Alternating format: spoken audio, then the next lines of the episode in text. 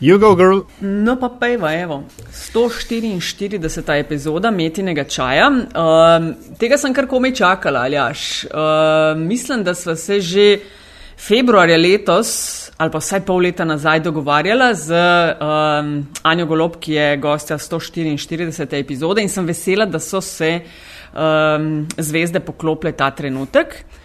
Uh, tako da se zelo veselim pogovora. Ja, jaz sem moral priznati, da sem moral pomisliti, februar letos, kje je sezona, ali tako, ne, se pravi. Kje, ja, sej, v prejš, v prejšnji sezoni. Ja.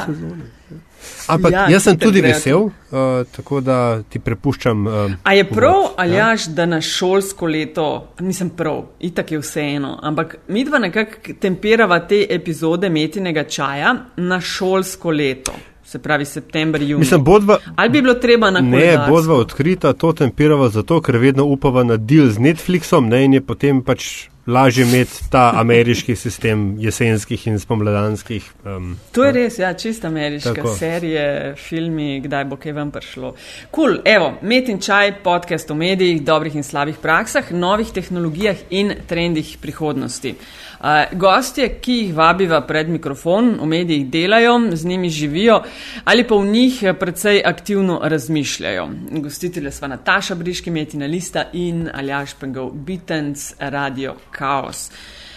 Komentarje in predloge pozdravljava tudi na infoafnametinalista.si, na hashtagu metinčaj in na Twitterih pod afna.dc43 in afna.pengovski. Tako. Ti imaš za tvoj Luksemburg še enega, ne? o tem nisva še čist nič rekla, da si ti ne, nimam, nimam, štartal. A nimaš ja, Lux Ventures?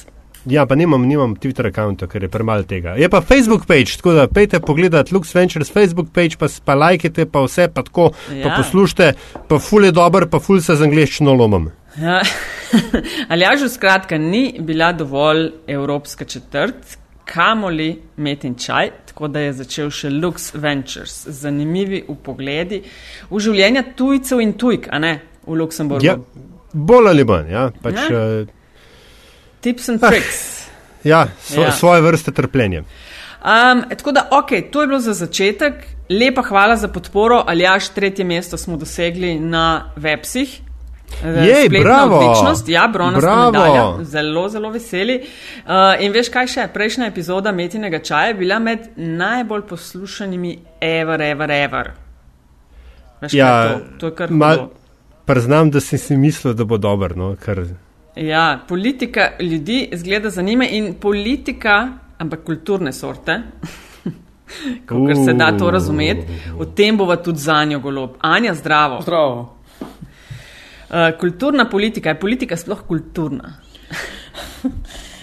A, že na začetku najtežje vprašanje. Tako, ok, okay malo zadihi pa razmisel. Uh, Anja, uh, mi dva goste vedno na začetku vprašava, da se tebe zelo dobro poznajo, ampak vsem, da se za tiste, ki te morda ne poznajo, malo predstaviš, kaj delaš v življenju, uh, tako da te znajo uvrstiti na zemljevid. Mm -hmm. Povej.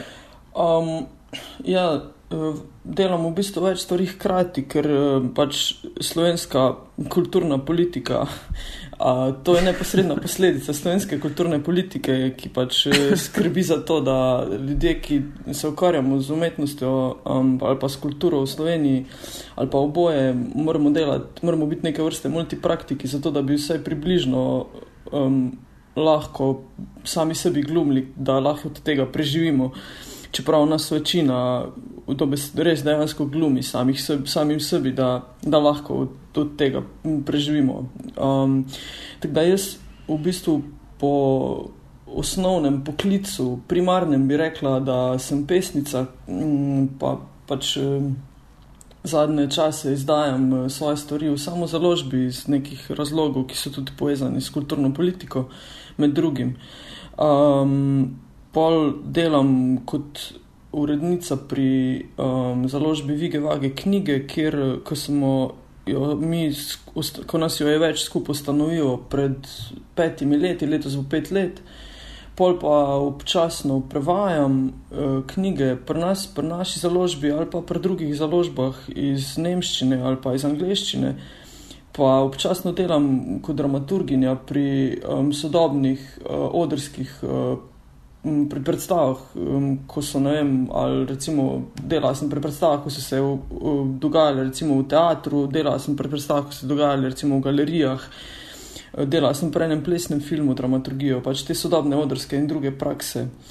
Um, to je mislim. Ampak, ful srečo, da smo te dobila. Nekje je zihar, kakšna odpoved bila, povej. Ne, zdaj, ja, v bistvu pa res, ker bi morala biti na dopustu, zdaj še, ampak sem morala predhodno priti, ker sem včeraj mogla leteti v, v tiskarno gledati ene zalide za eno knjigo, ki je ravno kar v tisku, da ne bi prišlo do ene razpremembe pri enih barvah. Tako da, ja, morala bi biti na morju. Ja. Tudi to, tudi to. Ja, pač, ko delaš. Ja, pri, mislim ko pač urednikuješ eno knjigo, pa ko gre v tisk, seveda ni to delo niti slučajno končano, pol pač eh, je treba, pač ta je malo bolj zakomplicirana, no, ker so vse v toni, so sivi, um, rjavi, zeleni, pa plavi in pol eh, je. Lahko pride do malega odstopanja in je lahko to že problematično. In imamo fajn tiskarno, ko je pač eh, so, uh, kako ne rečem, raise the flag, um, a pridete to pogledati za vsak slučaj in pa smo pač, je pač treba iti pogledati, ali da to spada k uredniškemu delu. Ja. Mm. Anja, če, potem le, kar si povedala, se zdi, da se skoraj je tak lep slovenski izraz tažen kunstler. Ja, ško, ne, ne po lastni volji, meni se zdi, v bistvu potem, da. Po, potem po nujnosti, no, ja, ampak pa tudi v bistvu, tako sta videla prej v vodu, razlagala, da si, si ti naredil, ne vem, še nekaj, ker ti tisto, kar si predelal, ni bilo dojsta. Ne. Pač nekako, eh, če imaš možnost, oziroma se probaš, pač eh, vsem onim stvarem, ki te zanimajo, posvetiti, pa pa ene stvari ratajo, ne vem, resno delo. Ne, v začetku so stvari hobi, ampak pa na eni točki ratajo pač re, resen posel. No. No, ravno to sem hotel vprašati, ne? ker sta dva, dve plati te, tega kovanca. Po eni strani dejstvo, da um, ljudje, ki delamo ali pa delate v, kaj se temu reče za moderno, kreativni branži, ne, uh, je, uh, se po eni strani moramo oprijeti vsakega dela, ki pride mimo, ker če ne, se pač lahko zgodi, da na koncu meseca ne bo za položnice. Po drugi strani je pa to, da se lahko delaš stvari, ki so ti blizu, in kot si rekla, so na nek način hobi. In kje je ta meja med hobijem ali pa intenzivnim hobijem in službo, mm. poslom? Najprej se ne bi strinjala s tem, da je treba se upreti vsakega dela, ravno obratno bi rekel. Mislim, da si je treba zagotoviti, enkrat je DJ Umek rekel v enem intervjuju, da naj ljudje ne mislijo, da če zdaj oni vem, vrtijo muziko, da naj si pol naredijo iz tega pač svoje delo, ne, in pol vse ostalo pustijo, zato ko pač od, bo od tam prišel, no, naj se ne postavijo v to pozicijo, kjer bojo morali vem, vse sprejeti, zato da bojo lahko plačali položnice na koncu meseca. Pač, eh, fajn, meni se zdi, da je zelo pomembno, da si človek eh, pri sebi intimno razdela, kako bo prišel do denarja, na kak način bo prišel do denarja, zato da ne bo odvisen od tega, da mora sprejeti vse, kar mu ponudijo. Pol, če si v neki poziciji, ko moraš sprejeti vse, kar ti ponudijo, pol pomeni, da pač nič ne moreš zavrniti, pol o lastni svobodi pač ne moreš govoriti več. Ne? Meni pa v bistvu nujno potrebna svoboda, zato da lahko karkoli delam. Mislim, seveda je to pol včasih samo občutek, ampak vse probaš, ne vem, zdi se mi, da je treba vse probati omogočiti to, da lahko se svobodno giblješ med tem, pa da lahko stvari zavrneš. Ta luksus, uh, to postaje zdaj luksus. Ne? ne to, da ti imaš delo, ampak to, da lahko zavrneš delo, to je ta vrhovni luksus, ko ga pravzaprav zelo veliko ljudi nima več. Meni se zdi, da je ful pomembno uh, ohraniti to pozicijo, kjer lahko rečeš, ne, ne pridem. Recimo pred kratkim sem me povabili na en festival in so mi, o tem bom zdaj pisal v naslednji kolumni, in so mi v bistvu uh, ponudili kot plačilo, da mi plačajo potne stroške, pa da mi plačajo spanje. Ne, a spanje, a. ja. Spanje, potne stroške, ja, pa hrano. Ne? In pač za tri dni bi oni radi, da jaz pridem polno tja delati, ne pač na neko, nek, ne vem, neko ne, branje zvečer, čez dan, prevajalsko delo delo, pač nek tako delavnico so si zamislili, kar je super ideja, ne, v načelu, bravo, super, da se družiš, delaš, na koncu imaš nek rezultat, ko je ful pomemben, ampak stari, ono, jaz sem pol pač napisal, hej, a ste vi pozabili mi napisati, kje je honorar za to delo, a ne pač še pričakujete, da mi s tri dni polno angažirano tam, mm. ne. In sem dobil odgovor, da ne, da ni honorarja, da oni delajo že ne vem koliko let to volontersko in kaj ka, ka si jaz mislim, da v bistvu so bili oni zaprepaščeni, kaj za jaz njihovo delo, njihov, njihov angažma. Ne, ne kak je zdaj njihov angažma, eh, ko ga oni že des, leta in leta vlagajo volontersko delo v to, jaz pa zdaj bi rada kao plačilo za svoje delo. Kako ne, kak ne razumem, da se oni ful trudijo in da oni ful delajo. In bolj ko sem jaz razlagal, da morajo biti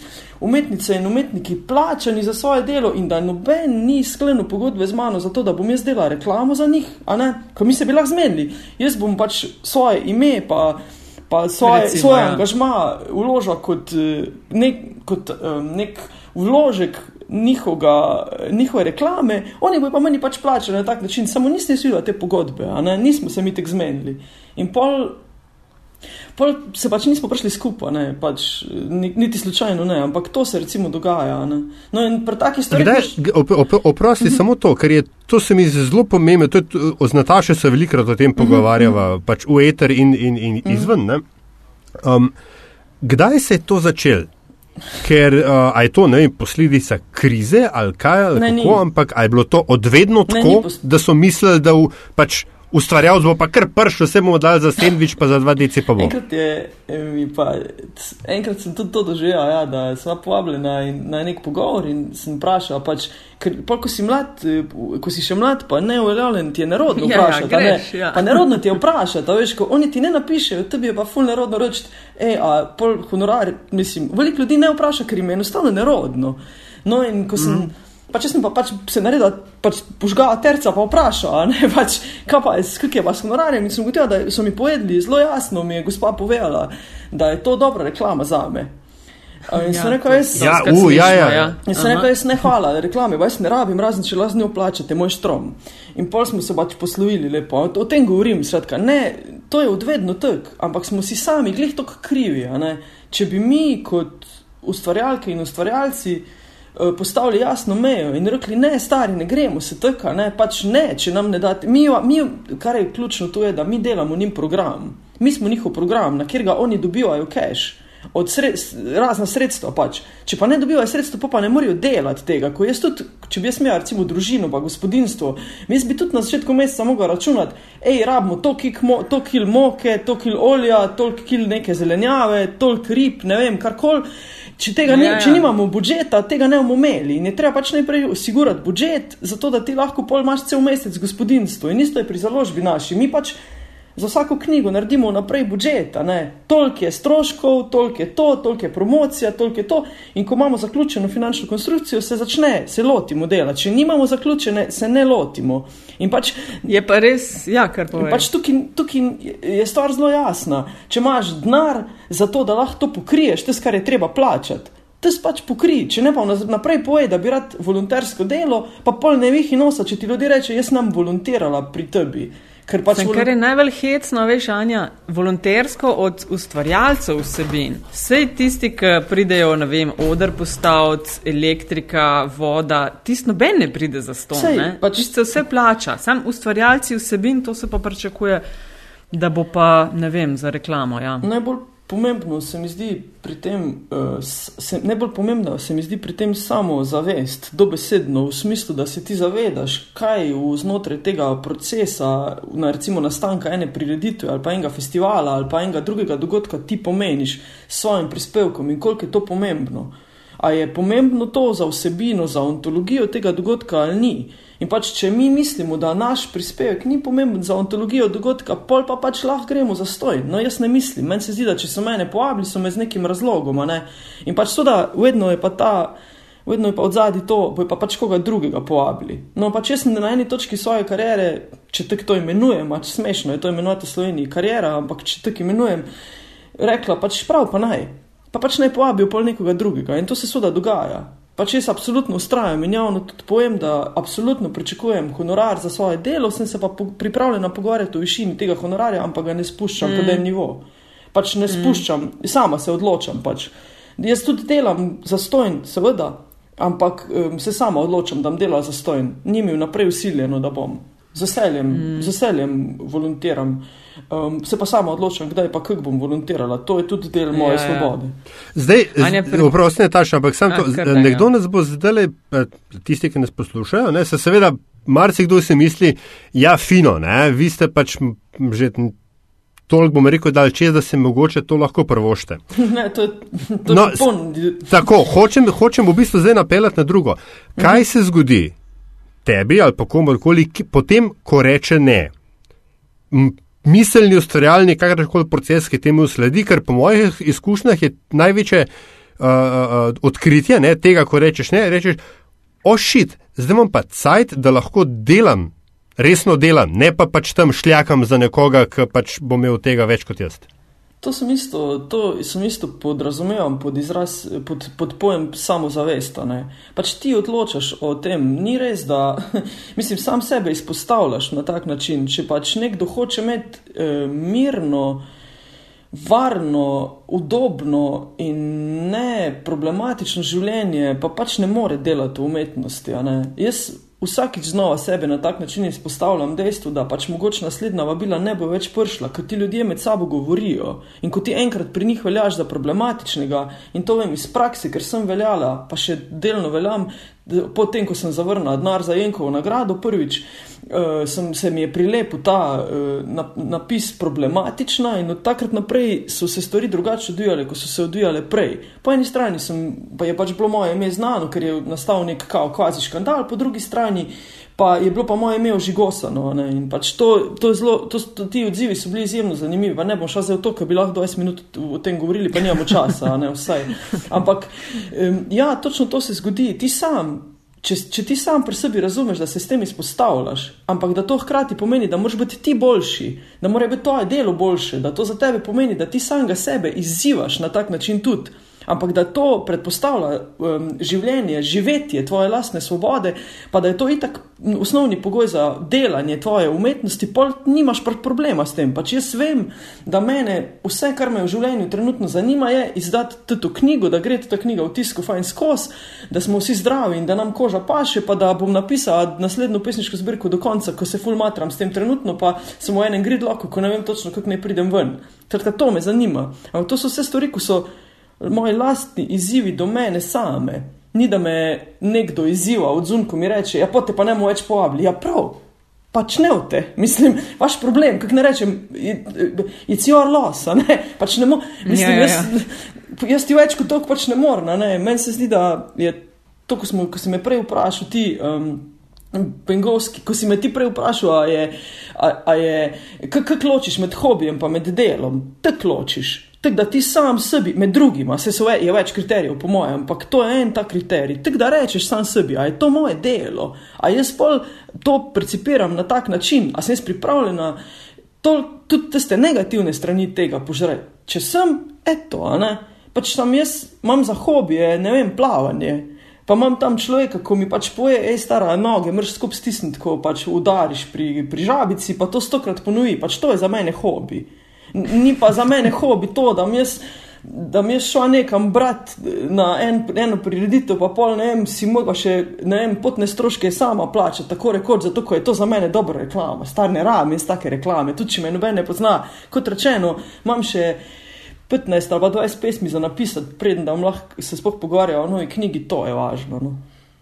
Mm, a je v zunaj, imam še eno drugo vprašanje, ampak a je v zunaj tudi podobna praksa. Ne. Ti, kar, ni. Ne. Tam je se pa ve, če te povabijo, pač je honorar. Prvo, prvi mail, ko pride, je zdravo, eh, zdravo, mi smo to pa to. Eh, v 90, to govorim zdaj, v 90 do 95 ja, ja, ja, primerov. Zdravo, mi smo to pa to, delamo to pa to, jaz sem pri tem uh, to pa to, imam tako pa tako funkcijo, mi bi te radi povabili na to pa to. Uh, ne vem, pomeni toliko pa toliko branja, toliko pa toliko pogovorov, toliko pa toliko tega, um, uh, honorar je toliko pa toliko, uh, plačamo ti še zraven, ne vem, potne stroške ali pa ne, mm. hotel ali pa mm. ne. Uh, tukaj moraš biti od takrat do takrat. A te zanima, prosim, če te zanima, da je javi. Tak, pri nas praviš pa obratno. Pri nas pa se zgodi to, točno to, kar sem zdaj omenil, in to je super. In vedno več ljudi to razume in je zelo spoštljivih do, do dela. Ni treba biti spoštljiv do mene osebno, sploh ne, ampak do, mislim pač to, kar do človeka, valjda, ampak predvsem do dela, do tega vložka. Zelo veliko je ljudi, ki so spoštljivi do tega in se točno tako obnašajo. Pa tudi reče, recimo, jaz se res upravičujem, ampak mi delamo na volonterski bazi, nimamo honorarjev, eh, če ti to je bed. Eh, ja, ja da od štartu karte odpreš in poveš, ja, če exactly. ne gre, ne gre, razumemo in pa jaz pa vemo, da bi. Točno to. Ja, ja. to mi imaš to, absolutno imaš in vsa čas tem ljudem, ko na tak način delajo, imaš pa predvsej ljudi, ko pozabijo ene podatke. Najhujše je, ok, pozabijo, da so še jezni, če želiš pač. honorar. To, to se mi zdi unterhund. A se ti zdi, a imaš občutek, da se mogoče, ker si reka, da se se mogoče mal tudi spreminja, ne? pa pred nekaj minutami si omenila, da boš o tem pisala v kolumni, ne? če se ne motim, imaš ja. redno mesečno kolumno ponovem, no, na rekovajih v večeru, mm -hmm. mislim, da bo to tretja ali četrta po vrsti. Četrta. Ja. A se je začelo spreminjati tudi, ker o tem tudi želiva zalažen govoriti s tabo, ne? Um, ko začneš o tem na glas govoriti v medijih, uh mhm. -huh. ko nisi sam tiho in ne govoriš samo o mehurčkih in jokaš v svojih mehurčkih, kaj je narobe, ampak začneš o tem pisati vem, v kolumnah, začneš o tem objavljati na družbenih omrežjih in podobno. Uh mhm. -huh. A so mediji del rešitve v tem problemu? Um, ja, naj, kot rečeno, najprej sem razumel sam sabo, kako želiš živeti. Pač to je vprašanje ontologije dejansko. In ja, seveda, uh, ko ti govoriš o tem, imaš vedno dve plati, ena je onanija. Ne? Pač mm. vedno, to, se, to je isto, tudi pri, ko pišeš kolumne. Recimo, če predvidevam, da bomo kaj več o tem govorili, pa tudi sami, po samem pisanju kolumn. In to je isto. Pač. Tudi na, na, eh, pač, ko, ti to, ko, ko ti to počneš, nek, je, definitivno je, mislim, brzo se je slepiti. En del dela tega je onanija. In pač je, gre, mislim, tudi če ti nočeš graditi blagovne znamke svojega imena, se to, a takoj, ko se javno izpostaviš, začne dogajati. Na tak ali pa drugačen način, tu je brez veze, mislim, okolišiti, ker pač ni, ni tukaj. Zdaj, ja, seveda pa ti ne, kak drugače pa, ko pa javno, a ne. Pač ti lahko požiraš do ene mere, pa pa na eni točki pa pač je dovolj. Zdaj pa, če želiš kaj spremeniti na strukturni ravni, ne samo za sebe, za svojo lastno rita, ne pa pa pač nimaš druge, kot da greš javno v to. Sam pri tem bi upozoril na argumentacijo. Ne? A veš ta jada, jada scena, to, so, to je to, kar omenjaš, ko rečeš mehurčki, pa jadanje. Ja, to je ja. ta jada, jada scena, ko si ti lahko daš duška, zato ker se spucaš, pa se boljš počutiš pol. Ampak zato imaš, ne vem, vredno domače ljubljenčke, ne vem, najboljše prijatelje, ne vem, pač to so neke intimne stvari. Če pa greš malo bolj resno v to, pa skušaš najti strukturen razlog, pa ga vem, problematizirati z argumenti, pa ga poskušati na tak način postaviti pod drobnogled širše javnosti, pa to zahteva nek drugačen pristop, se mi zdi tudi od tebe osebno. In zelo velik um, kolumn oziroma javnega pisanja na splošno, po mojem mnenju, ostaja pri onanijah. In to mene osebno v bistvu ne zanima, pravzaprav mi je uh, odžiranje javnega prostora za ljudi, ko pa ko bi pa hoteli to mogoče, tega se mogoče drugače lotiti in mi je žal, da je tako. Um, omenila si, mogoče, da bomo še malo v kolumnah. Ja, valjda bomo, piše jih Aljaš, občasno jih pišem jaz. Ti si, um, a si pred večerom imela kje v kakšnem tem tradicionalnem mediju? Ja, v večeru. Aha, pa, pa je bila vmes pauza? Uh, imela sem takrat, ko sem pisala kritike za večer, sem eno obdobje znotraj tega časa uh, pisala tudi kolumne na njihovi uh, strani smeri razvoja, v bistvu redne. Sam Aha. takrat. Uh, to je pač pol to, koliko so tudi, to je vprašanje, koliko so pol odmevne kolumne. Takrat mene ne. No, na to mi mal pove, ja. ja. To, ko, kakšne imaš, kakšne nekje odmevne tvoje kolumne in, in kakšne nekje odziv ljudi, no? Takrat recimo me noben ni poznal, ne, pač tudi eh, jaz. Eh, mislim, takrat zelo malo ljudi ve, da sem to počela, ker ni, ni, ni bil, uh, jaz pa tudi takrat ni bilo še uh, Facebooka, pa tega, da bi se po teh mrežah to širilo, ampak je pač bilo tam objavljeno, pa tisti ljudje, ko so brali, so brali. Uh, Um, bil je pa manjši domet, pa tudi blesu to kolumne mlajšega človeka, ne, ko so pač, ne, rezultir, kar rezultira na, v načinu dojemanja sveta, logično, vsaj pri meni je eno. Um, zdaj pa v bistvu je malo zgoda za reči, zato ko je pač kot rečeno, to naslednja zdaj bo šele četrta porsti, ker pač zaenkrat jih pišem enkrat na mesec. Um, to sem se z urednikom Stepišnikom zmenil, da začnem pač bolj. A to počas. pišeš, začneš zadnje dni pisati ali si tista, ki lahko napišeš, ne vem, če imaš deadline 20, lahko že 5 ga imaš narejen? ja, poznam oba dva principa ta eh, dela. Um, jaz sem, eh, to je po mojem povezano s hobijem ali pa s angažmajem. Pač za mene je tudi to delo, ker sem plačana za njega. In pač pol jemljem to tako, da si ne morem to postiti na zadnji dan, ker ne morem biti odvisna od navdiha. Ne. Zdaj pa joj, ne vem, bom ob desetih, jaz moram v četrtek, ob dvanajstih to oddati, v sredo ob enajstih zvečer ni več časa za to, da bi jaz to počela. Saj za mene ne. Tako da jaz imam nekak. Veš, kaj se zgodi? Skratka, pridna. Mislim, ne, ne, ne, ne, ne, ne, kje pa, eh, kje pa, ne, kje nasprotno. Ne, nisem, samo. Um, Mene zvedno zakolje v zadnjih urah. Ja, ja tebe. Um, ja, nekaj časa je že, odkar sem pis, napisal zadnjo kolumno, ne? ampak uh, pri meni je bilo itek vedno tako, da sem se v zadnjih štirih urah odločil, ne, kako okay. in kaj. Ja, ja, mater totalen. Ja. Ne, jaz v bistvu se ne, ne želim si več tega prizadevati v življenju. Uh, zdi se mi, da je to škoda živcev za to, uh, ja, da samo sebe ja. postavljam v ta, v ta sistem. Uh, ne, v bistvu, kaj se, zgodi, se je zgodilo, zdaj, ko, imam, pač, ko imam redno kolumno, nek kanal za dojemanje sveta dodatni se mi je odprl, ker pač vem, da bom morala čez en mesec napisati, ne, ko, ko izide ena, pa vem, da bo se spet en mesec mesec do naslednje in imam nek dodaten registr za dojemanje sveta, nekako imam tako beležko s sabo in pa si pišem, aha, lahko bi o tem, lahko bi o tem, lahko bi o tem. In pa na koncu imam ene, ene pet tem, vedno, kjer bi lahko in pa, ja, pa se lotim. Okay, ampak to um, čistko, uh, zdaj je tam ali. Um, Zarja ali pa Lady ali pa karkoli moment. A, a imaš kakšno rutino, kaj veš, kaj ti se, se, se ti s, s pomočjo katere se spravaš v ta mud ali pa proces pisanja kolumen? Um, najprej uh, bi rekel, da lahko eno fusnoto dam na to. Dej, dej fusnoto na začetku. okay, Ker si, si zdaj umenil Zarijo, pa Lady, pa to. E, Zarja, je, jaz tudi, mislim, jaz žute štampe, kaj da jaz ne berem, ampak, mislim, ker ne hodim frizerju. Ni pa nujno, da je vse to žute. Zdaj, to, to je moj, ja. moj point je, da recimo, ko smo imeli en dogodek um, za en predstavitev ene knjige, uh, konc, začetku poletja, no, konc pomladi letos, je, se, se je prav Zarja odzvala od fantastično. Napisali, dali so nam eno stran, so posvetili temu dogodku, slikami, z opisom knjige, baj gospa, na, novinarka na, na, na, na dogodku samem, kjer ni bo tako rekoč, baj še, mislim, da sta vaše dva. Imeli smo pokrito medijsko, ampak ne tako, da bi recimo delo prišlo, a ne pač. Bila je pa recimo nacionalna televizija in bila je tudi Zarja in so eno stran te knjigi posvetili, čeprav to ni primarno njihovo, a veš to, kar bi rekel, ja, to je pa zdaj primarno njihovo čtivo. Ni. Ampak so, hej, vsaka čast, res, naredi so totalno ono, BP prispevek, ono, z, z vsem. Tako da res, mhm. mislim, nevrjetno. Hočem reči, sam, ko, ko imamo ponovadi, ne, ne pravim, da imaš ti, ampak ponovadi imajo ljudje reči, da ja, je žuta štampa. No, trili, res, ne, ja. no, trili, sometimes.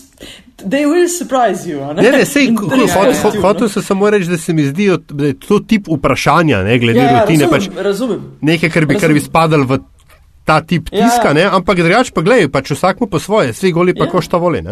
Ja, ja, absolutno, ampak tudi tu, ma, tudi tu se mislim, da so omejitve. No? Če, če to rečeš, pa, pa to pomeni totalno relativizacijo na podlagi tega, kaj si ljudje vse želijo. Pa pa ugotoviš, okay. da je ena meja. Fair point, pač, fair, no, bi bilo fajn. No, Nazaj k rutini. Ja? Tako da se vrnem k tvojemu vprašanju. Uh, ne, v bistvu ne. Pravzaprav. Um, tako pri poeziji isto ne, pač, ali pa tako pri ne vem, drugem pisanju, v bistvu ne. Mislim, to je delo in pač ga je treba opraviti. Ali veš, pač nimam, ne, ne, sedem se, pa pač se posvetim. To mogoče zveni tako štrebrsko, ampak. Mislim, ja, zveni štrebrsko. tudi tudi mogoče je, ampak absolutno. Ampak jaz, jaz pričakujem, če gledam z druge strani. Jaz, kot odjemalka medijskih informacij, pričakujem, da bodo ljudje ravnali odgovorno, ko jih, ko jih plasirajo in ko ko delajo z njimi. In pol ne morem sama biti neodgovorna v smislu, da jaz mislim, no, pač ne morem se ono. eh, zanašati na to, ali imam zdaj PMS ali ga nimam. Pač to ne more vplivati, če tako tak izrečem. Pač, če, mislim, PMS vemo, da vpliva na pisanje. Res? Ja, falta, halo, logično. Ja. Mislim, vse da vpliva. Pač, takrat si pač, ne vem, vsaj jaz sem, no, ibersensitiv. In pač šlo, da bi takrat ne vem. Kaj to pomeni, pa, da je boljša poezija takrat vam pride? Ne, do kurca, nežnejši. Ne, ja, ne, do dreka, jih obratno, ti se za bek vreč, ti ste za nič vse. Jaz bi na tej točki samo opozoril, da, se malo maknu. da, so, da so nedavno ugotovili, da je. Da Pač PMS, pa tako dalje, da, skratka, da smo moški konstantno v PMS-ju, če, če tako primerjaš, ne, ker se hormo, nivo hormonov, eh, testosterona se menda mečkam bolj poviša, ne, ženska Aha. takrat. Skratka, ja. vprašanje je, kaj pol mi pol naredimo, ne. Uh, ne rečem, delo, delo, delo. Ja. Ampak ja, Ej, uh, ne, se pravi, samo zato, no, ker jaz, jaz sem v bistvu fauš takim ljudem, ne, kot je Anja očitno, ker ah. pri meni je bilo vedno tako, najprej, najprej sem imel dve uri uh, bulu v zaslon, pa sem pa delo, pa, pa, pa, pa še skozi metodo, kot, so, kot smo poročali, ne da je več zbriš. Ne, kot se je spet, zadnji čas smo videli, ajš in potem neki rata na koncu. A predstavljaš, a predstavljaš tudi tako bloke vse? Ja, uh, ja, pa, stavček, ja, pa, pa, pa, začne, pa začneš na sredini, ne, pa pol ti ja, manjka ja, ja. vod, pa pa rabaš na koncu nek udaren zaključek, pa pa včasih narediš un krok, da pač se prepeleš na začetek, včasih obvisi. Ja, ja, ja. Ah, grozen. Ja. Ej, Anja, ti ja, eno... dosadno. Anja, ti si eno obdobje, um, mislim, da je ne dva, tri mesece trajal, uh, kolikor sem sledila mm -hmm. to na Facebooku. Si preštevala, ko govorimo, ajde, zdaj pa poročanje o kulturi v medijih, ki si preomenila, recimo, da na tistem dogodku ni bilo dela. Um, pa si preštevala ti eno obdobje, mm -hmm. koliko pogosto in v kakšnih oblikah se je o dogodkih, povezanih s kulturo, uh, pisalo v teh nekih tradicionalnih medijih. Ja. Uh, zdaj pa za tiste, ki temu niso sledili, kaj je bil tvoj zaključek? Uh mhm. -huh. Do kakšnih zaključkov si prišla po tem nekaj mesečnem uh, seceranju in inventuri? Ja, najprej bi morala v bistvu pri tem povedati, da sem to počela ne strokovno ali po nekih ja, valda, valda, ja. parametrih, ja. ko bi bili ne vem, sociološke znanosti, strani sociološke znanosti sprejeti kot neki uh, verifiable. Ne, pač ne, mislim, jaz sem to počela zgolj zato, zato ker, izkos, ker smo se skozi ustavljali pri debatah o tem na točki, ja pa se ne vemo točno. In pa imamo tako, ja, pa pa dajmo pogledati, vse je približno prešteti, da vidimo malo bolj točno. In pa sem ja, dva meseca, od 12. aprila do 12. junija, v bistvu vse tri, um, tri, pač tri dnevnike, delo, dnevnik in večer, um, njihove kulturne strani sem v bistvu spremljala po nekih parametrih. In sicer za mene osebno je, ne, je skelet vsake kulturne strani re, refleksija oziroma kritika, ne, recenzije uh, umetniških del. Zato sem pos, pos, posvetila posebno pozornost temu, koliko kritik oziroma recenzij izide, uh, ker pač se potem, ker se mi zdi to tako tak zelo dober parameter za to, da se pokaže, kako resno mediji reflektira umetnost oziroma kulturo. Uh, druga stvar, ko sem jo štela, so bili oglasi, zato ker je, tu se strinjam z Dežulovičem, ki je bil pred kratkim na v Udaj Focus na Pop TV-ju eh, intervjuval, mislim, da pred 14 dnevi ali 3 tedni, ne vem točno, ja, kjer je ja. rekel, da, da so pač no, časopisi postali nosilci glasov in da je postalo brez veze, odkar, so, odkar je prihodek od glasov večji od prihodka od naročnina. Ne. Um, to je podobno kot pri, recimo te uh, avtobusne postaje v Poljubljani, ko v bistvu ne služijo ničemu razen temu, da držijo plakate za oglase. Niso za dež, za veter, za noč. Pač, skratka, noter dežuje, veter še spiha, ne moreš se normalno usesti. Nič druge, nobene druge funkcije nimajo. Vse druge funkcije so namišljene zato, da ti slah tam stoji, ampak tisti je tam zato, da drži plakatno. Um, skratka, meni oglasi so bili fulj pomembni, ker pač valjda jih tišijo na kulturne strani, zato ker pač a priori najbrž mislijo, da so kulturne strani manj brane, pa te lahko odlagajo razne oglase. Ko, ali pa ali pa se je pol izkazalo, da gre dejansko za oglase za, za recimo koncerte, eh, gledališke predstave itd. Skratka, da prodajajo tudi ta prostor, da se tudi ta prostor prodaja in eh, trži kot, kot oglasni prostor. Se pravi, oglase sem naštela in pa sem naštela v bistvu, koliko strani na splošno mediji posveti uh, kulturi in koliko tega, koliko je člankov na teh. In rezultati so bili izjemno zanimivi, njimi pa še uspelo iti. Moj naslednji del tega, drugi del tega projekta je, da grem v čitalnico, nuk, časopisno čitalnico Nuka in tam za isto obdobje, leta 2008, se pravi pred desetimi leti, pogledam te iste medije in naredim primerjavo.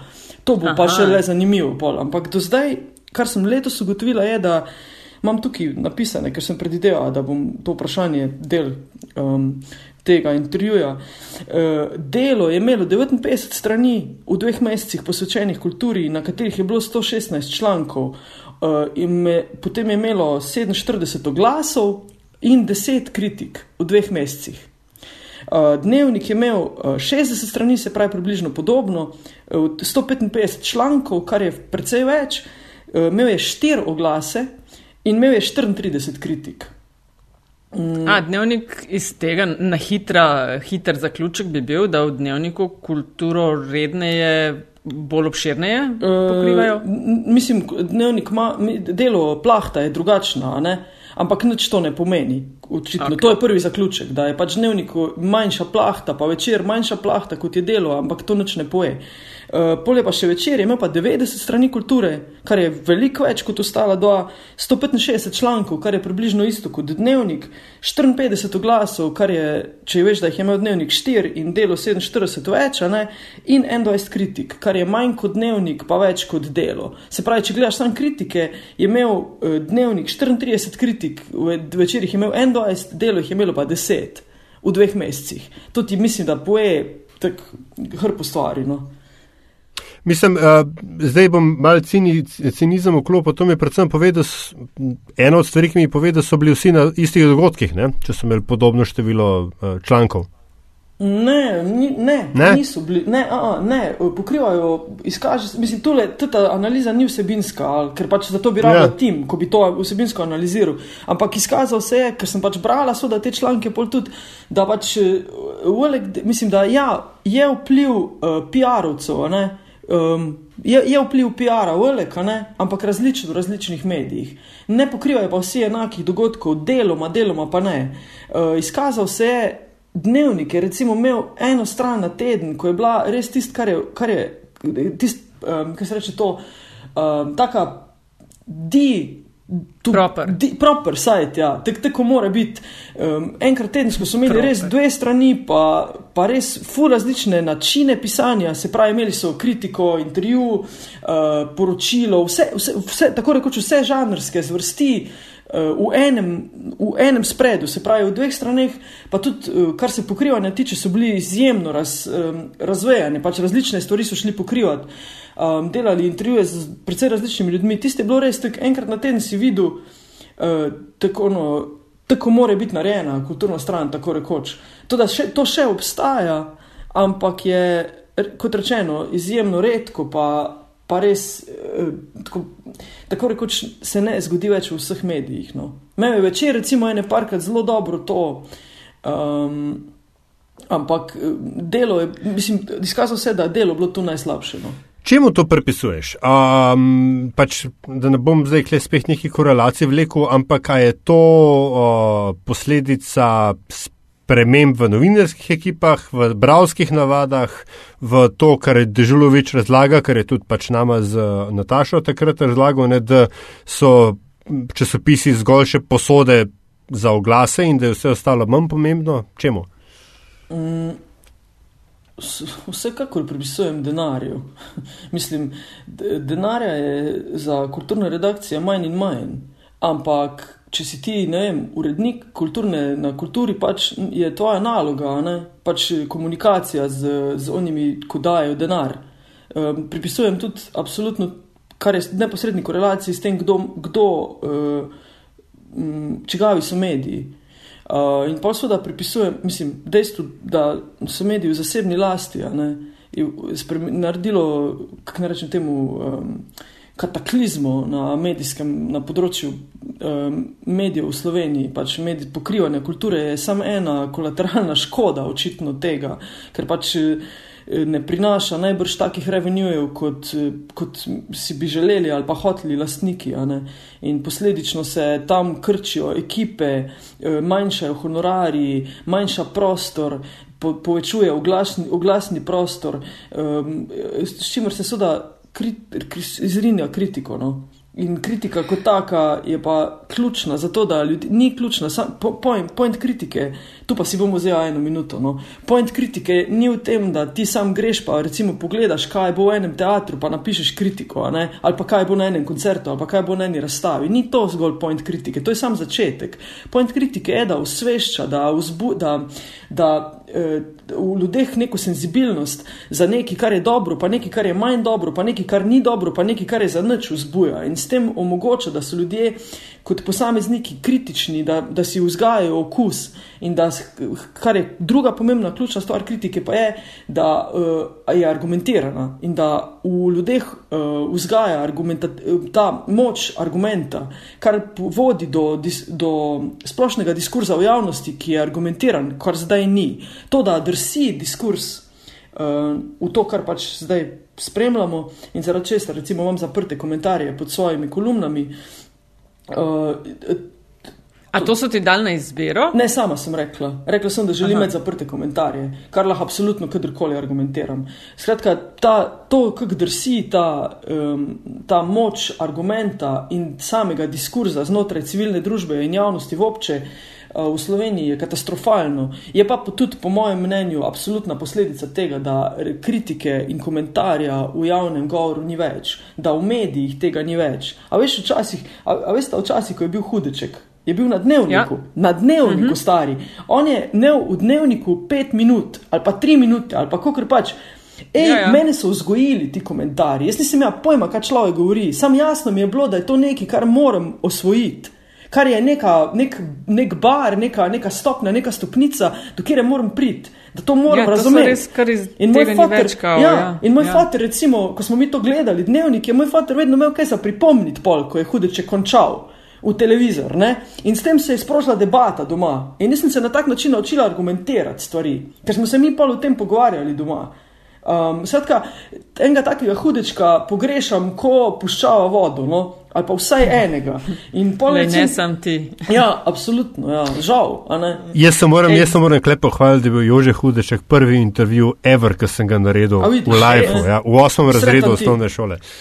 O, bravo. Bravo. Ej, dve vprašanji imam, Anja. Ja. E, mal še, da boš razdelila tisto s komentarji. Uh mhm. -huh. Tudi o tem sva zalažen že večkrat eh, govorila in, in sploh na metini listi imamo od vsega začetka dosti jasno politiko glede uh mhm. -huh. tega. -huh. um, ali pa dobro, da kar s tem začni. Pa če imaš pa roki kakšen primer tujega medija, kjer bi ti rekla, da pa je pokrivanje kulture, pisanje kritik, eh, obsežnost poročanja o kulturi, ne govorimo o specializiranih medijih, uh -huh. ampak ne, ne, splošnih, medijih, ja. kjer bi rekla, lej, tako. To je to, to ja. jaz berem, tako bi bilo fajn, da je v Sloveniji. Ja, imam, eh, recimo, zdaj sem bila naročena eno leto, ker sem hotela uh, vaditi nemščino, pa ker, sem, ker me je zanimalo, kako se bo to v enem letu, ali je bil to sam, sam Ausručer, ali je to res nekaj, kar je standard. Ko sem eh, bila na rezidenci v Berlinu, sem eh, brala en časopis, ki se imenuje Der Freitag. Um, to je pač nek časopis, nek eh, sidekick od, od Špigla, ki pač dela v petih. Ki dela, ja, kao v četrtkih, pa je. Um, ja, um, dela minus, seveda, ne, ampak je pač namenjen. Oni, mislim, da ima da kot ciljno publiko definirane, malo bolj, one, malo bolj leftije od leftijo. No. Um, okay. Se mi zdi. Pač to je nek tak format, je približno podoben kot recimo dnevnik ali pa večer pri nas.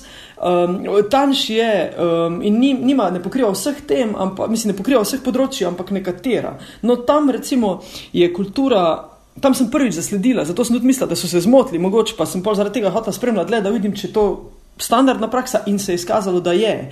Um, oni imajo na naslovnici, vsake tok časa se pojavi ena taka žuta, eh, žuta pika, ne, na kateri piše dodatne 16 strani kulture ali pa dodatne osem strani kulture, ali pa dodatne štiri strani znanosti.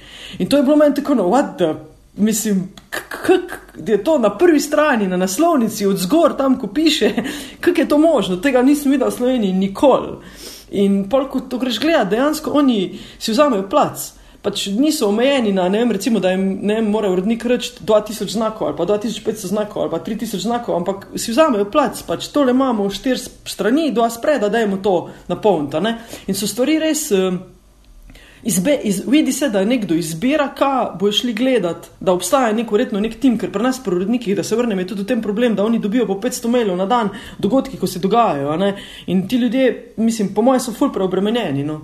Um, ker pač ne moreš ti kvalitetno, kako boš kvalitetno izbral iz vsega tega, kar se dogaja, točno to, kar boš pokril. Težko je to, to, to absolutno razumem. Še vedno pa mislim, da je vloga urednika, da stoji med, na, med kladivom in trdim placom, ne, ali med kamnom in, um, kako se reče, med roke na hardspot. Ja, kladivo in nakovalo. Kova, tako je. Ja. Ne, a veš, kaj je between a rock and a hard spot ali nekaj takega je. No, skratka, ni važno, med enim pa drugim trdim predmetom, no, whatever. Uh, in da proba balansirati med obojima, ne.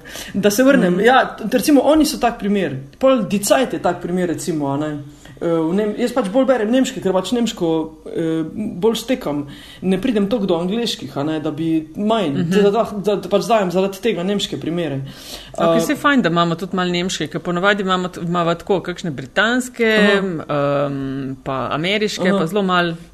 Čisto smo preveč ja. v Sloveniji. Pa imajo dober medijski trg. V ja. Sloveniji ja. smo sploh preveč izpostavljeni tem anglosaškim medijskim ja. ozorcem, ne? Uh. No, jaz sem se nekako pač zaradi tega, ker, imam, ker sem pač grl velik, eh, ker, sem, ker imam eh, ponovadi, če imam kakšno gostovanje ali pa branje v tujini, so ponovadi vezane na nemški govorni prostor, izjemoma tudi kam drugam grem, soda, ampak načeloma velikih je v Nemčiji, no pa posledično pol soda, tam tudi spremljam, koliko spremljam medije, ne, te tiskane, ne, jaz sem še vedno med onimi, ko kupujejo časopise. Oh, wow. Ja, jaz v soboto ponovadi kupim vse tri. Vse tako se je tudi začelo to spremljanje, da so najprej bili samo sobotni časopisi, ker to itak kupim, pa preberem vse.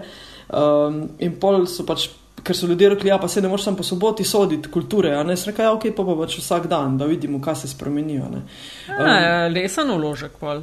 Ja, mislim, pol, pač, ni, pol sem imel srečo, da sem uh, lahko to uh, preko neta, no, da ni bo treba ja. kupovati. Dej poveš še to v komentarjih, ne? se pravi, ti si začela pisa, pisati kolumne za večer in si v začetku rekla, da želiš, da se komentarji pod tvoje vsebine zaprejo. Ja. Zakaj? Uh, Jaz vem, lahko ti vse povem, ampak hočem slišati tvojo zgodbo. Ja, ja. In se um, strinjam tudi s tem, zakaj. um, pač, um, če smem tako vulgarno to, če, mislim, no, prestopa bo menih, postopa, prestopa bo menih par korakov tu v tej argumentaciji. Če ti, zato da zaradi časa, ampak lahko tudi to pol. Če ti si pripravljen v, v večini uh, populacije svojo svobodo um, zatavšati oziroma se zadovoljiti, da je tvoja svoboda, da je vsa definicija tvoje svobode v tem, da imaš v trgovini pet zobnih past, ne dveh. In je to dovolj za te, da lahko rečeš, da si svoboden posameznik, polis noč ne sliša tega mnenja, ne zanima me. In žal je v Sloveniji trenutno tako, da večinoma teh komentarjev pod temi članki um, uh, od iz sebe, um, kako naj rečem, izkričijo ljudje, ki um, so svojo svobodo zatavšali zato, da imajo pet zobnih past, ne dve. In mene res ne zanima. Me. Men, jaz pač mislim, da svoboda govora ni v tem, da ti, da Pater Strehovec lahko na portalu 24 kul, ali kako se že reče, imenuje ta portal, objavi um, sliko. Um, nosečega ženskega trebuha s prislonjeno pištolo in pol nas, ki smo podpisali ta poziv um, vladi, pa državnemu zboru, pa predsedniku, uh, nas po, poimensko pač zlista tam in napiše, da smo mi morilci um, nerojenih dečkov in deklic. Pač jaz mislim, da to ni svoboda govora, ne da mislim, prepričana sem, da ni in to lahko temeljim. In to je v korelaciji s tem, zakaj imam komentarje zaprte. Hvala. Z veseljem. Kadarkoli. Se spomnim začetkov metine liste, ko smo takoj v štartu na stran dali, da smo veseli komentarjev, ampak izključno tistih, ki so argumentirani in spoštljivi do tistega, ki piše. Skratka, na začetku smo se odločili za strogo moderacijo, kar je bilo takrat nekaj takšnega, kar mislim, da niso počeli nikjer ampak ok, naš medij, to je bila mečken grahek proti tistmu, uh, kar je v slovenskem prostoru bilo. Ne? In se imenitno obneslo. Ne? Nekaj kričanja je na začetku bilo, a svoboda govora, gore dole, lej. Tvoja svoboda se konča tam, kjer se moja začne. Ne? In nikakor ne pomeni tega, da lahko, lahko seveda kritiziraš. Ampak argumentirano. Jaz Absolutno. se ne strinjam s tem, ker podatki niso pravi takšni, ampak so takšni. Ne, ne moreš pa zlivati vsega gneva zaradi je... frustracije in kompleksov v lastnem življenju na nekoga, ki je zapisal svoje mnenje, si za to vzel par ur ali pa mogoče celo par dni, da je, da je uh, prišel ven izdelek, kakršen je recimo bil. Ne. Smo pa zanimivo, veš, dve leti nazaj smo pa komentarje pa čist zaprli ne, in verjela ali ne, niti enega maila nismo dobili, da ej, zakaj jih nimate. Lej, spodbujamo ljudi, da komentirajo, odneste link kamorkoli že uh, in, in debatiramo o tem. Ne, da bi pa, mislim, ne razvija se debata. Ne, meni se, zdi, se, men se zdi, da je problem, v, v, v, v, če te smem prekiniti, meni men se zdi, da je problem, Izvolja. da je problem v, v, dru, v širši družbi, da sta tu dva problema, ki v ta tematika neposredno nagovarja. En problem je, da mi nimamo, da ne izobražujemo uh, nivoja um, diskurza, se pravi debate. Mi nimamo, mm. mi, naš nivo debate je uh, tako globoko pod lediščem, da je res problematično o njem govoriti kot o nečem, kar, kar je živo. Ne? In um, nimamo, ne ukvarjamo se pa dovolj kot družba s tem, da bi ga dvignili ne, na nek nivo, ki bi bil sprejemljiv. Gre za neke čist, eh, postli smo, da pač, eh, od, na, svoje, če ti stvari postiš, bojo pač regresirale. In mi smo to regresiranje v bistvu sam še pospeševali ne, kot družba. In imamo zdaj full hud problem. Ker, ker ne znamo več debatirati. In to je, mojem, po mojem mnenju, povezano s kritiko, refleksijo v, v, v medijih, o čemer sem prej govoril, ko smo se prej o tem pogovarjali, o kritiki. Um, to je ful, um, to je drastično nekaj, kar se, kar se nam otepa na vsakem koraku. Uh, druga stvar pa je, je pa, da ja, to, kar si omenil, da ste bili vi grahe v primerjavi z onimi velikimi. Problem je, da, pri nas je treba, da, da je pri nas premalo pozornosti posvečenih točno temu. Mi smo kot založba tudi. Pa, pa se moramo pač tako rekoč za vsakega bralka, bralca ali pa bralko boriti. Uh, ampak to, kako ne rečem, navajeni smo, da tisto, kar je veliko, je po defaultu tudi dobro, kar je zgrešena navada. Ni, ni nujno res. Ja, ampak oprav, to, si, to si zdaj, mislim, da se je tukaj zadela bistvo ne, v, v slovenske psihe, ker je uh, posod je tako. Velik sajtank je dober, velika televizija je dobra, velika založba je dobra, velika porcija na krožniku dobra. dobra ja. A veš, velik kozarc dober. Ja. Uh, tako da uh, se, jaz seveda se strinjam s tabo glede um, potrebe po dvigu javnega diskurza. Ne po nivoju javnega diskurza. Me pa seveda spreletel zdaj, ker si to razlagala nekaj drugega. Sej po eni strani drugače kot je zdaj, vendar ni moglo biti. Sej smo mediji odnesli delanje medija v bife ob dveh zjutraj. Razloži. Pač hočem reči, v hipu, ko, ko smo pač, ko so se slovenski mediji, smo se slovenski mediji zbudili in smo rekli, ogle internet. Ne? Uh, smo se odprli komentarje, zdaj pa super, zdaj pa ljudje bodo, bodo komentirali, zdaj bo to izmenjava mnen, demokracija, svoboda govora, ni da ni. Uh, ampak kaj smo ugotovili? Da smo v bistvu prišli, ne, da smo s tem odprli vrata A. za uh, atmosfero poprečnega slovenskega bifeja. Šankiranje, ja, ja šankiranje. Tako, šankiranje, ne, ampak ja, ja, ne samo šankiranje, šankiranje ob dveh zjutraj. ja, razumem, malo pobruhano. Tako, ne, in. in drugače v resnici ni moglo biti. Se se ni mogel. Ja, ten, da, v bistvu hočeš reči, da je to potrebna ta stopnja, da pridemo na višjo.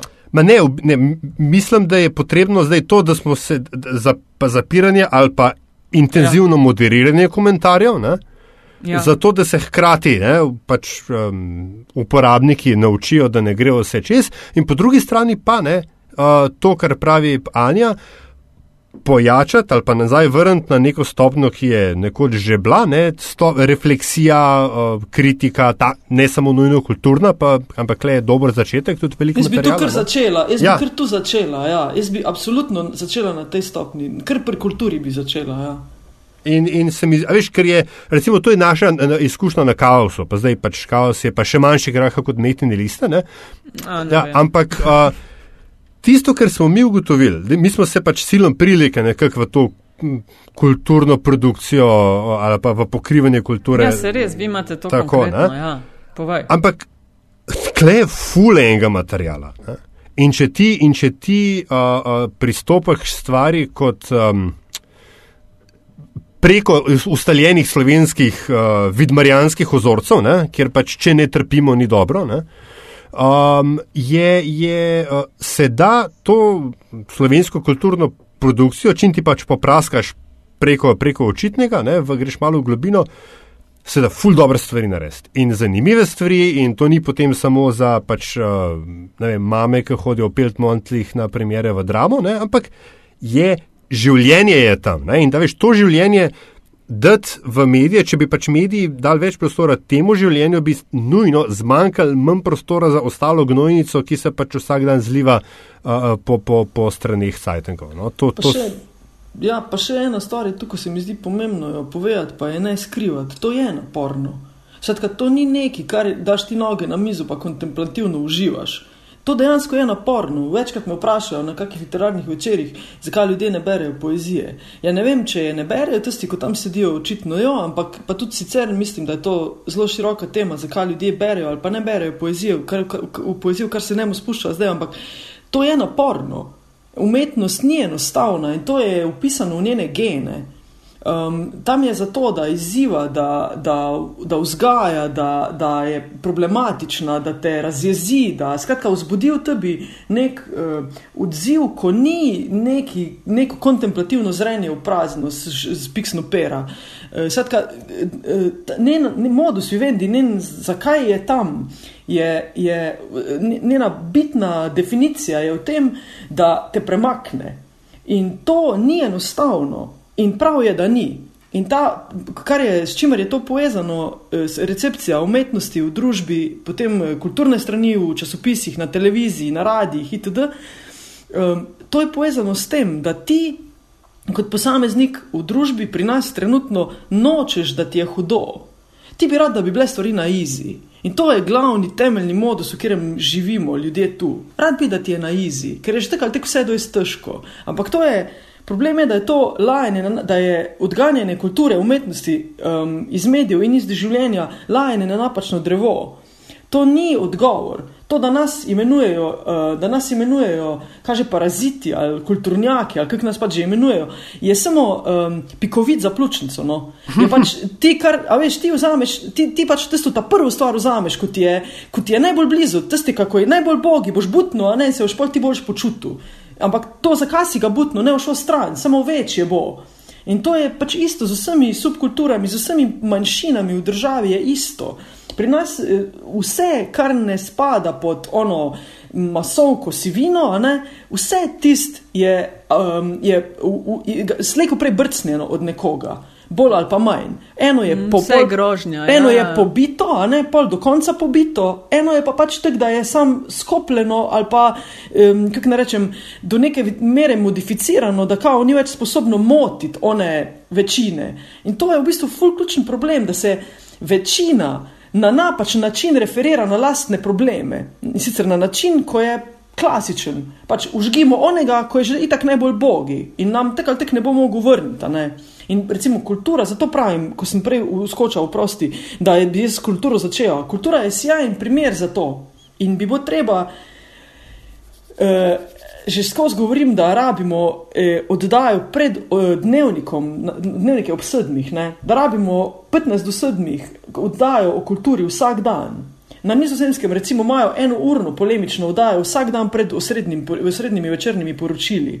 Eh, to zelo dobro vpliva na družbo.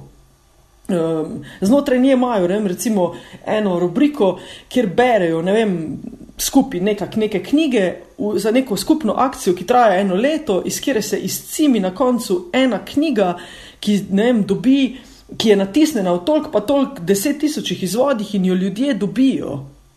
In kar pliva na to, je pa zelo natančno pozicionirano, to, da to ne pomeni, da bi ljudje mislili, da so knjige za stojn, ampak vpliva to na to, da oni pol knjige kupujejo, kar je pa spet tema, v katero zdaj ne bom šla. Ampak to, da ti dobiš. Ej, imamo materijala za par podkastov. Ja, ampak ja, ne, ne, sej, a, ampak, ker vem, kam Nataša zdaj le cilja. Eno stvar se je pa vendarle Anja odprla, ne, oziroma namignila. No, da vidim, če veš. Um, koliko grobo ocena, mislim, tvoja grobo ocena, uh, koliko je slovenske kulture na trgu, da tako rečem, ker ravno ta, ne, paraziti, um, prisesanci na proračun, to je za moje davke gre, ne vem kaj. Ne, uh, pol tako, ker človek vidi, je v resnici. Uh, um, Ljudje, ki pač menedžerirate ne, svoje kulturno ustvarjanje, bi lahko verjetno šli za menedžere še marskem drugem. Um, seveda si eh, noben ne beži od tega, da pač obstaja trg in je treba pač, valjda, recimo, lahko to pojasnim s primerom založbe. Mi nikakor ne mislimo, da, da moramo mi eh, dobiti denar od države, zato ker smo ne vem, zlati, ne? ali pa ker smo lepi, ali pa ker ne vem.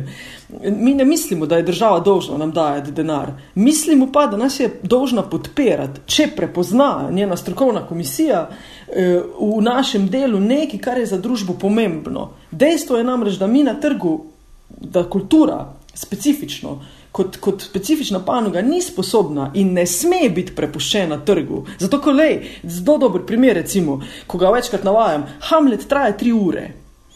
V družbi, kakršni mi živimo, je zelo malo ljudi, izven one.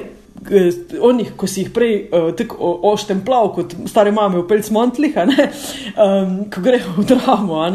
Zatka, ta, ti bojo šli, ampak izven njih je zelo malo eh, ljudi, ko bojo rekli, glede zaradi tega ugodja, o katerem sem prej govoril in tega naj bo na izi, ko bojo rekli, o, bom dal denar za to, da bom šel Hamleta gledati. Ampak družba, ko nima Hamleta v drami ali pa v mladincu ali pa v kjerem koli drugem svojem teatru, je slabša družba. Sam da posameznik tega mogoče sam ne prepozna tak direkt, je pa nujno, da to tam je.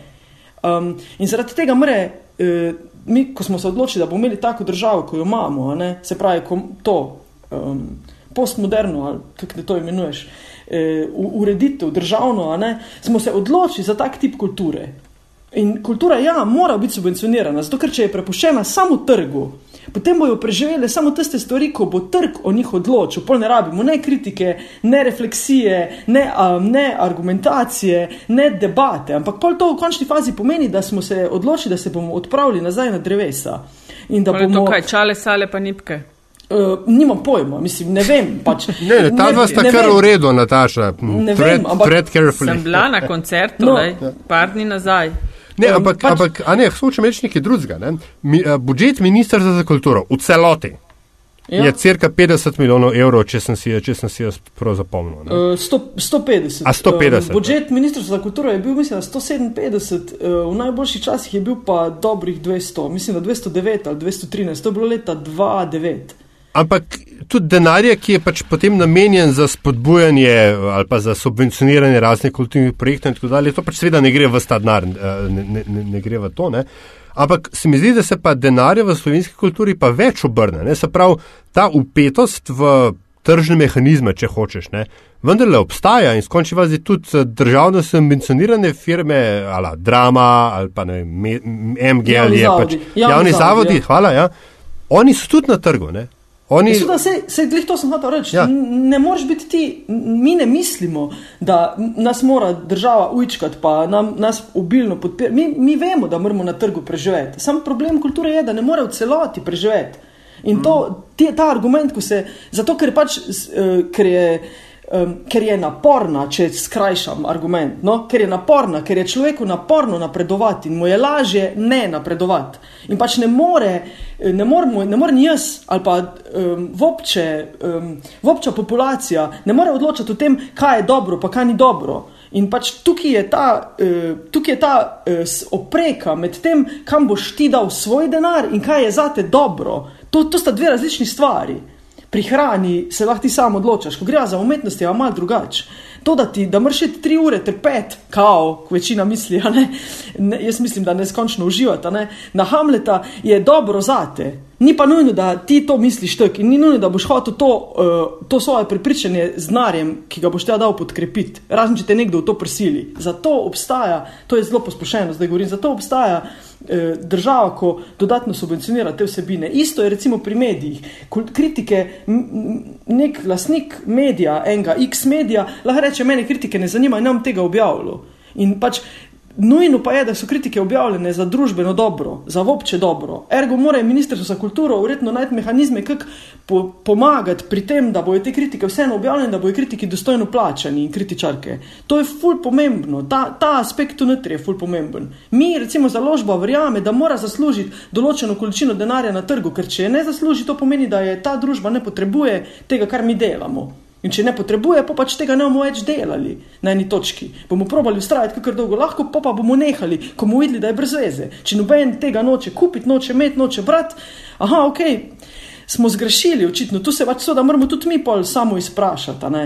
Ampak ne moramo pa sami tega, ne moramo biti pa 100% v trgu prepuščeni, ker delamo nekaj, kar, um, kar ni zgolj produkt. Knjiga ni izdelek, ni produkt, ima neko dodatno vrednost in ta, v tej dodatni vrednosti se pogovarjamo, po mojem. Ja, jaz bi samo dodal, da je prehran, prehranil v resnici ja. podobno. Ne? Ker če ja. ješ samo tisto, kar je dobro, ne pa no, tisto, no, okay. kar je ja. zdravo. Ja, pa smo tako, ja, pa smo v McDonald'sih, pa v Ameriki pa problem uh, debelosti. Uh, ampak ok, le, omenila si, sam se bojim, da, da nimamo v tej epizodi časa. Eh, Ministrstvo za kulturo, ne, mi dva sva želela tudi mogoče malo tem govoriti, sam se bojim, da, da ne bo šlo čez vite, pa se en rada vprašala. Predna rečem še beseda dve o založbi, ki praznuje te dni ali pa mesece pet let ne, uh mhm, -huh, od ustanovitve. Ja, ja, tako čestitam, da ste se sploh obdržali. Ja, hvala na, lepa. Ne, trg je, zaht mislim, trg je zahteven. Težko je. No. In to sred, ja, sred krize ste jo zagnali. Vse to, vse to. Um, ne, hotela sem te to vprašati, nekaj si ti si zelo aktivna. Uh, in, in javno tudi poveš, kaj si misliš, kako bi mediji, kako bi uh, politika mogla biti naravnana, tudi konec koncev, kako bi ljudje, s katerimi delaš, ne kulturniki, kulturnice, uh, bilo fajn, če želimo videti spremembe, kaj treba delati. Ne? Ampak sem pa naletela tudi na mnenja tvojih kolegov, ne vem, kolegic, ljudi, ki delajo v kulturi, čež da, eh, mislim, sem enega igralca brala, no, čež da eh, je tam zato, da odigra tisto predstavo, ne, ne pa toliko, da se izjasnjuje o dogajanju v družbi. Mhm. Meni se to sicer zdi zelo udobna pozicija, da, da se ne izpostavljaš, ne? ampak ne vem, lej, mogoče se motim. Kaj ti misliš o tem? Razumem, da, ljudje, da imajo ljudje dojst, eh, da, da, da je to naporno. Razumem, zato ker je res naporno nas je to vzeti. Um, eh, eh, Spričal vseh drugih težav, ki človeka v življenju, um, ki, ki mu pretijo v tem svetu, v kakršnem živimo. In spričo tega, da je tako malo uspešnih takih akcij, ne, ko se človek oglasi, pa javno izpostavi, pa v bistvu svoje ime izpostavi, pa jih dobi po delih telesa, which were only meant to be treated nicely, pa ki, ki pa pa, pa, pa, pa nič se ne premakne, v bistvu konkretnega. Ne? Se pravi, nič zelo malo dobiš nazaj, pa kao ful se izpostaviš, ta računica se pa na eni točki neha, ne izide več, oziroma ljudje obupajo ali pa rečejo, doj smam, ali pa ne splača se, ali pa jaz imam svojih problemov. Za to, po koroško je dojst. Dojst, ja. Dovolj, dojst, dojst ja. Okay. ja. Pač kakršen koli argument, ni, ni, ni na meni, da bi jaz sodel o tem.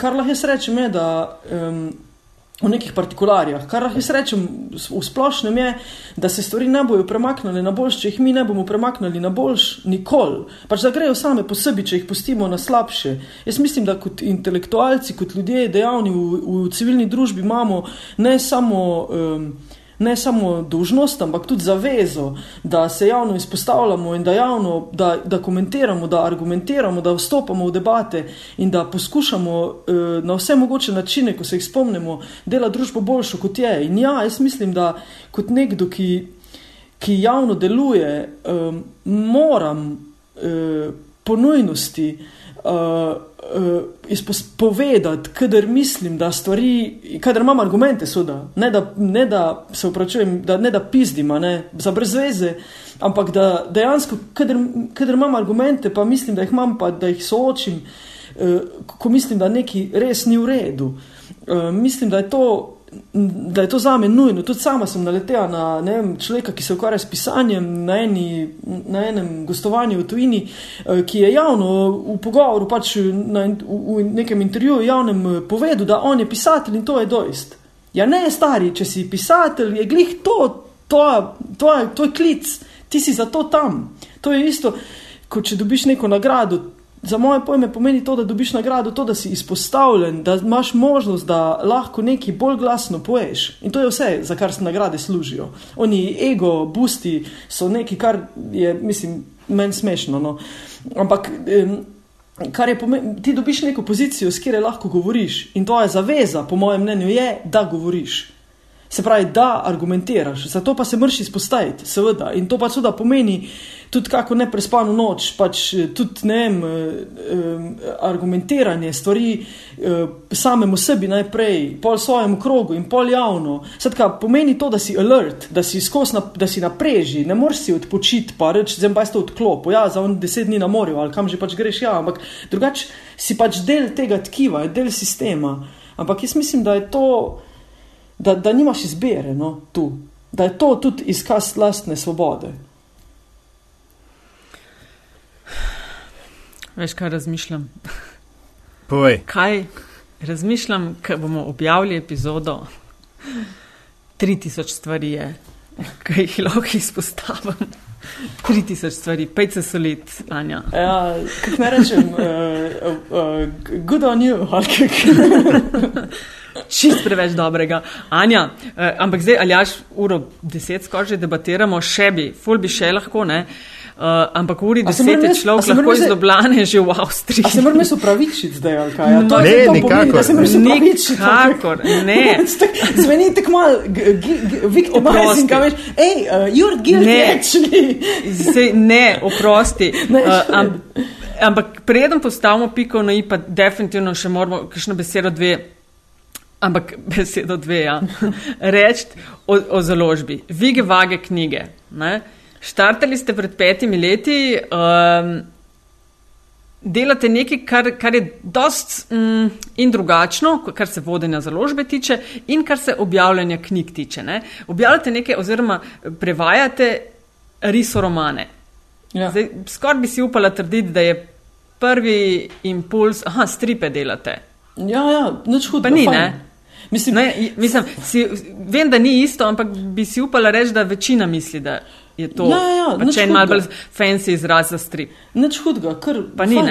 Ška, mi smo v bistvu uh, prevedli izraz graphic novel na tak način, ker je to Aha. pač ena stripe, mi smatramo kot pač nad ta um, nad izraz, ne, pač ta uh, umet, stripovska umetnost, ne, pač kot uh, eno. eno kako rečem, en žanr literarni, enakovreden ostalim literarnim žanrom, ki se pa seveda znotraj sebe diverzificira. V zadnjih letih spremljamo, ne vem, boom pač znotraj njih diverzifikacij, znotraj žanra. In pač en od njih, na katerega smo se mi specializirali, se imenuje graphic novel oziroma indie graphic novel in mi smo ga pač prevedli. Tukaj moram reči, da smo ga da smo to naredili čisto zavestno, ko smo vstopili na trg. In sicer zato, um, ker je pr, tudi zato, več razlogov je, ampak en od razlogov je tudi ta, da je pri nas načeloma v veliki večini populacije ali pa v, v velikem delu populacije, bom rekel, um, neka taka pejorativna oznaka se država stripa. Pač kao, to je nekaj, kar na vece ubereš, ali pa ne vem, to je nekaj, kar je ne, na nekem pofl papirju natisnjeno, pa, pa ne vem za backward pol. Pač ne nekaj, kar je umetniški žanr, literarni žanr, ki je enakovreden.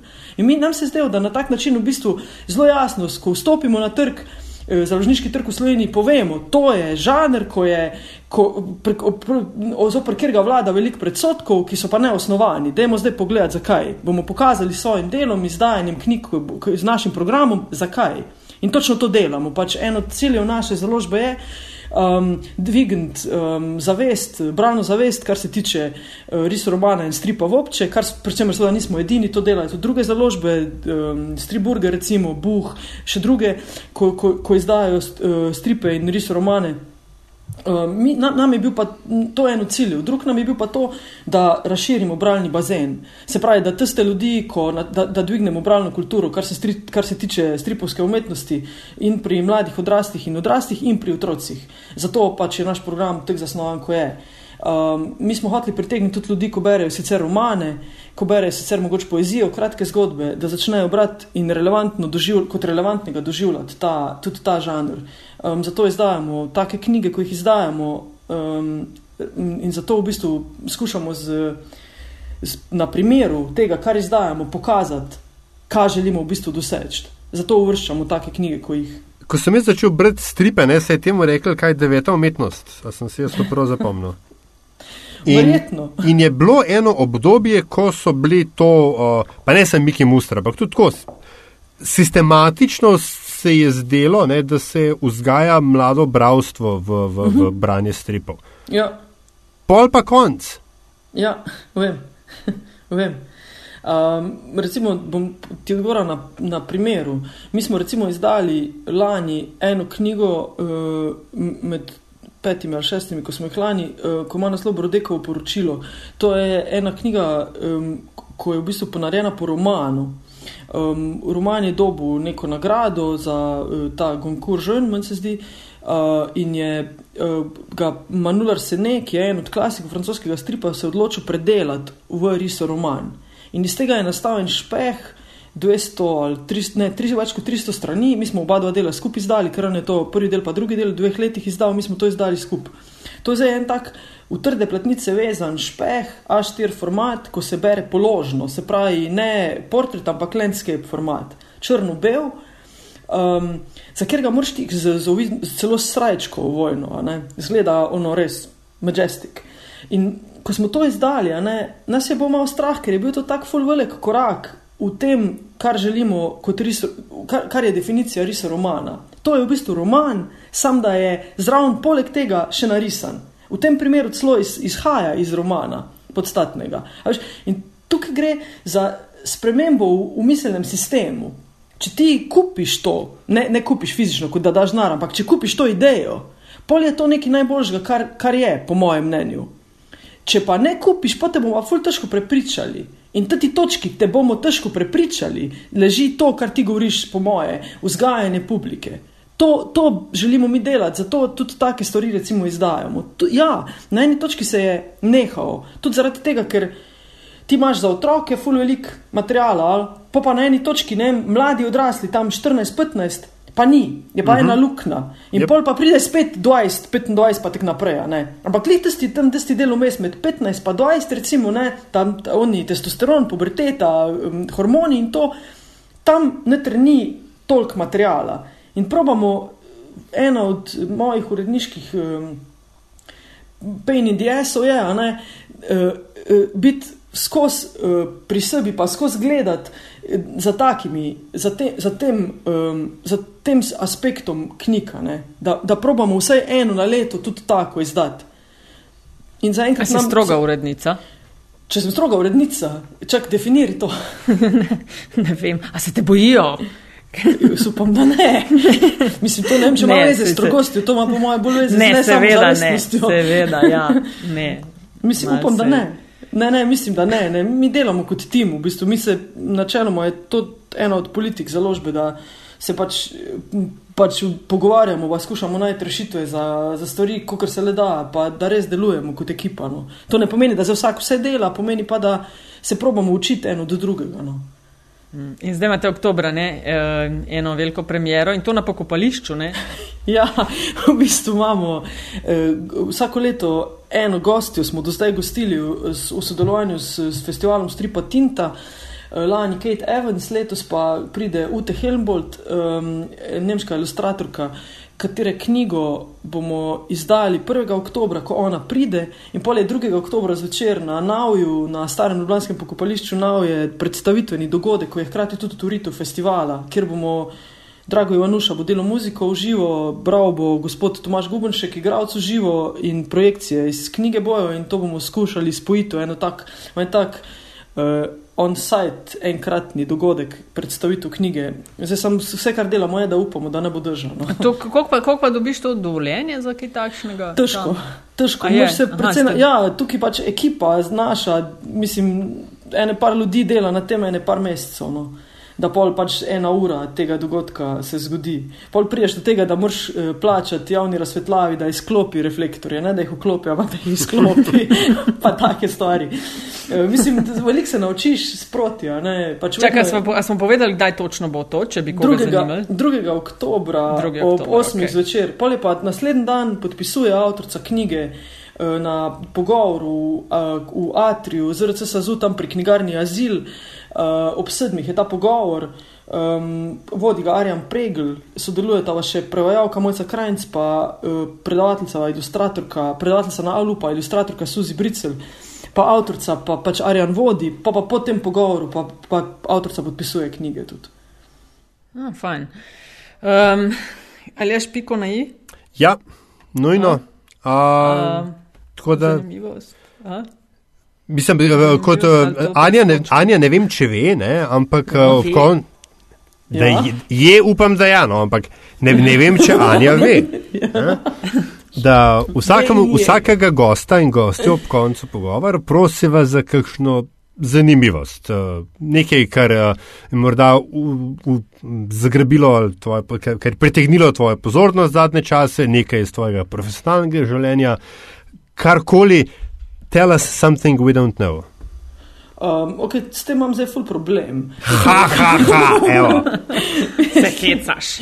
ne, mislim, ne razumem čisto dobro, eh, kaj je namen tega, da, bi uspe, da bi uspešno to izvedla, to nalogo, moram vedeti, kaj je namen. Namen, namen, veš, kaj, namen, te, namen tega je, da imamo v tem našem, recimo temu zdaj kulturnem spredu, ne, še eno rubrikico, ki pač mečkan odstopa od siceršnjega. Um, siceršne tematike v pač tej ne, širši rubriki, ki je rečemo met in čaj.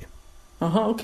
Um, ja, če govorimo o tem, kaj je zagrabilo mojo pozornost uh, ta čas, absolutno bi rekla, to, ni, to se ne veže striktno na mene, ampak mislim, da je pomembno povdariti, uh, kinoteka ima uh, Bergmana uh, letos, uh, v, ker je stoletnica v posebnem Aha. fokusu in začel se je včeraj, je bil prvi dogodek in zdaj bojo dva meseca, meni se zdi vrteli Bergmanove filme sred Ljubljane, ono, kar se mi zdi, oh, fuck, no, tak, yes, mislim, zdaj imaš priliko videti, tak, celega Bergmana, skozi vse v Ljubljani, tak, greš po Miklošiču in pol, tam je en vhod in tam je Bergman, ni norno.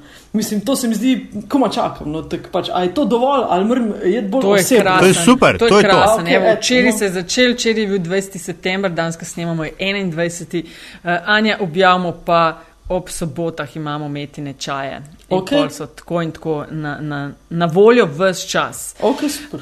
Ej, Anja, Ja. Najlepša ti hvala. Uh, jaz sem tako rekla, nadaljuj in šibi po svoje dalje. Enako, vam hvala za povabilo, pa um, me veseli, da, lahko, da smo se lahko začeli pogovarjati o tem, bi pa imela zate ja. en predlog.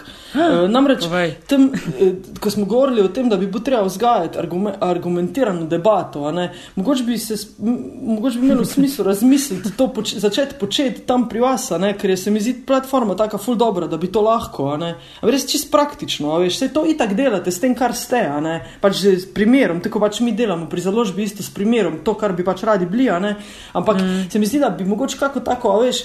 Eh, zdaj, smešno zveni to, ampak you get my point. Tak šolo uh, javnega diskurza, a veš v smislu, ne vem, uh -huh. kako se argumentira, kako gremo v debato na Facebooku, kako se na Twitterju debatira, kako uh, beremo kritike, kako jih, veš, na kak način jih, kaj to pomeni komentar, itd. itd.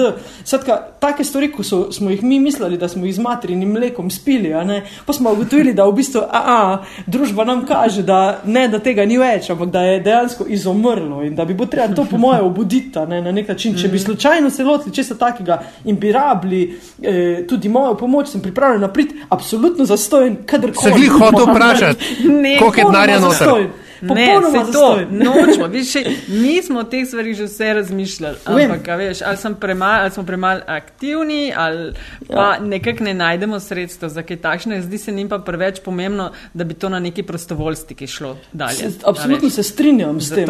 Se strinjam s tem. Ne, ampak ma, je, ideja je, je lej, živa je, premetava se nekje uh, in enkrat jo bomo. Super, fajn, A veš, kaj bi morali biti? V bistvu bi morali biti tviti plačljivi do vsakega tvita 10 ja, centov plača, ta, za ja. sklade za ne, izobraževanje ali kako. Ampak, ni noro, da, ni noro, da samo denar, ni noro, da, ljudje, da je tak čas, da samo denar deluje kot ono sredstvo za streznjenje, nič drugega več. A veš, ne pomaga več, če ti rečeš, nekoga boš užalil ali pa treba se je obnašati eh, civilizirano ali pa znotraj nekega bontona. Vse to je popolnoma poženo. Edino, kar se čuje, je argument denarja, nič druga več. A ni noro taka družba. No? Ampak ni bilo vedno tako v končni fazi. Ne, včasih si vedel, recimo pri kritiki. Jaz sem vedel, žgal, jaz sem vedel, da jaz sem jih dobo ful popuklo na začetku pri kritiki, zato ko pač sem se morala naučiti, kako se obnašati.